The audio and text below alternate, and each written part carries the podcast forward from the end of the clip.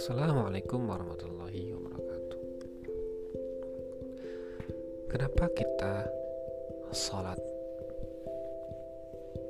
Dalam episode ini, saya akan membahas beberapa keutamaan yang akan Allah berikan kepada orang-orang yang melaksanakan sholat. Yang pertama, sholat akan menjauhkan diri kita dari perbuatan buruk dan mungkar keji dan mungkar yang itu disebutkan dalam surat Al-Ankabut surat 29 ayat 45 Utlu ma uhiya minal kitabi wa aqimis salah inna salata tanha 'anil fahsya'i wal munkar. Maka bacalah dari apa-apa yang diwahyukan Allah kepadamu melalui kitab Al-Quran dan dirikanlah salat karena sungguhnya salat menjauhkan kita, mencegah kita dari perbuatan fahsya dan mungkar. Fahsya adalah perbuatan yang berasal dari syahwat. Bisa berupa kata-kata kotor atau pandangan yang buruk dan sebagainya. Mungkar adalah kegiatan perbuatan yang diingkari oleh hati yang ia bisa bersumber dari akal atau nafsu perut seperti mencuri, berkorupsi, membunuh, merampok, menzalimi orang lain dan sebagainya. Jadi sholat membuat diri kita jauh dari perbuatan buruk dan mungkar. Artinya sholat menjadikan kita menjadi orang-orang yang baik. Karunia Allah selanjutnya yang diberikan Allah kepada orang-orang yang sholat adalah ketenangan jiwa. Ini disebutkan dalam surat Ar-Ra'd surat ke-13 ayat 28 bunyinya seperti ini. Alladzina tatma'innu qulubuhum bidzikrillah. Ala bidzikrillahi tatma'innul qulub. Dan orang-orang yang beriman dan tenang jiwanya karena mengingat Allah. Dan ingatlah hanya dengan mengingat Allah hati menjadi tenang. Di sini disebut bahwa mengingat dalam kata zikir kita bisa melihat surat 20 surat Toha ayat 14 Innani anallahu la ilaha illa ana fa'budni wa aqimis salata li zikri Sungguh aku ini Allah Tidak ada Tuhan selain aku Sembahlah aku dan laksanakanlah salat untuk mengingatku Disebutkan bahwa dalam surat Toha Salat adalah sarana untuk zikir.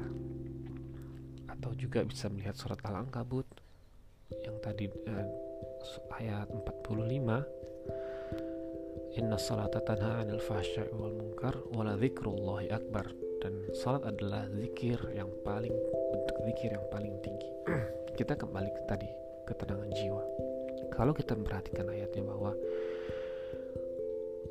orang-orang yang mengingat Allah akan menjadi tenang dan hanya dengan mengingat Allah yaitu melalui salat orang-orang akan menjadi tenang. Artinya apabila kita gelisah berarti adalah karena kita tidak mengingat Allah atau kita tidak melakukan salat dengan baik. Seperti itu. Jadi karunianya adalah memberikan ketenangan jiwa.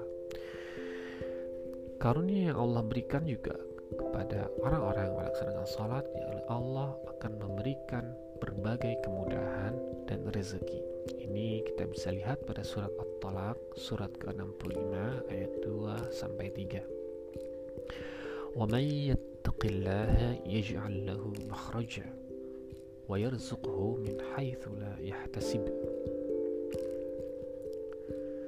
Dan orang-orang yang meningkatkan takwanya Allah akan memberikan makhraja. Makhraja adalah jalan keluar, solusi dari berbagai permasalahan wa yarzuqhu min haitsu la yahtasib dan Allah akan memberi rezeki dari arah yang tidak disangka-sangka. Artinya Allah akan memberi rezeki dari apa yang tidak dicari.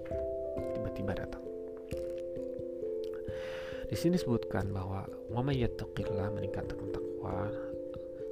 Siapakah orang-orang yang bertakwa? Ada berbagai macam definisi orang takwa di dalam Al-Qur'an. Kita bisa ambil surah Al-Baqarah ayat 2 sampai 3 ذلك الكتاب لا ريب فيه هدى للمتقين الذين يؤمنون بالغيب ويقيمون الصلاة dan Al-Quran kami turunkan tidak ada keraguan di dalamnya adalah petunjuk bagi orang-orang yang bertakwa. Siapa orang bertakwa? Orang bertakwa adalah orang yang beriman kepada hal-hal yang gaib dan mendirikan sholat. Jadi orang-orang yang akan sholat dan meningkatkan takwanya, Allah akan memberikan solusi bagi berbagai permasalahan hidup dan akan memberikan rezeki dari hal-hal yang tidak dari uh, arah yang tidak disangka. Kemudian yang dianugerahkan Allah juga kepada orang yang salat adalah al-falah. Ini disebutkan dalam surat Al-Mu'minun ayat 1 1 sampai 3. Qad aflahal mu'minun alladzina hum fi salatihim khashi'un. Sungguh telah beruntung falah, beruntung orang-orang yang beriman yaitu orang-orang yang khusyuk dalam salatnya. Al-falah dalam uh, artinya adalah dia adalah suatu uh, gabungan antara kesuksesan dan kebahagiaan. Kalau kita ada yang sukses tidak bahagia atau bahagia tidak sukses maka al-falah adalah suatu kemenangan sejati karena ia merupakan kombinasi antara kesuksesan dan kebahagiaan. Ini juga kita sering dengar kata falah ketika kita uh, mendengarkan azan hayya salah hayya falah marilah kita sholat marilah kita menuju ke pada kebahagiaan dan kesuksesan jadi uh, hal-hal berbagai macam keutamaan yang Allah berikan kepada orang-orang yang salat kita akan menjadi baik jauh dari perbuatan buruk dan mungkar kita akan diberikan ketenangan dalam jiwa kita kita akan dijauhkan dari rasa gelisah. Kemudian kita juga diberikan berbagai macam kemudahan dan rezeki yang tidak disangka dan juga kesuksesan dan kebahagiaan. Pertanyaannya adalah jika kita sudah melakukan sholat lima waktu, mungkin tambahkan sholat sunnah, tapi kita masih mendapati diri kita melakukan sikap-sikap yang buruk, atau kita masih merasa gelisah dalam jiwa kita, atau masih masih kesulitan tidak diberikan kemudahan dalam hidup kita. Maka bisa jadi kita belum bisa belum melakukan sholat dengan sempurna pada episode selanjutnya kita akan membahas tentang ternyata banyak sekali orang yang sholat tapi lalai dan bagaimana kita bisa meningkat. Bagaimana Al-Quran menjelaskan supaya kita bisa mendapatkan uh, sholat yang sempurna. Demikian untuk episode kali ini. Semoga bermanfaat. Sesungguhnya seluruh kebenaran datangnya dari Allah Subhanahu wa taala dan apabila ada kesalahan dari diri saya sendiri.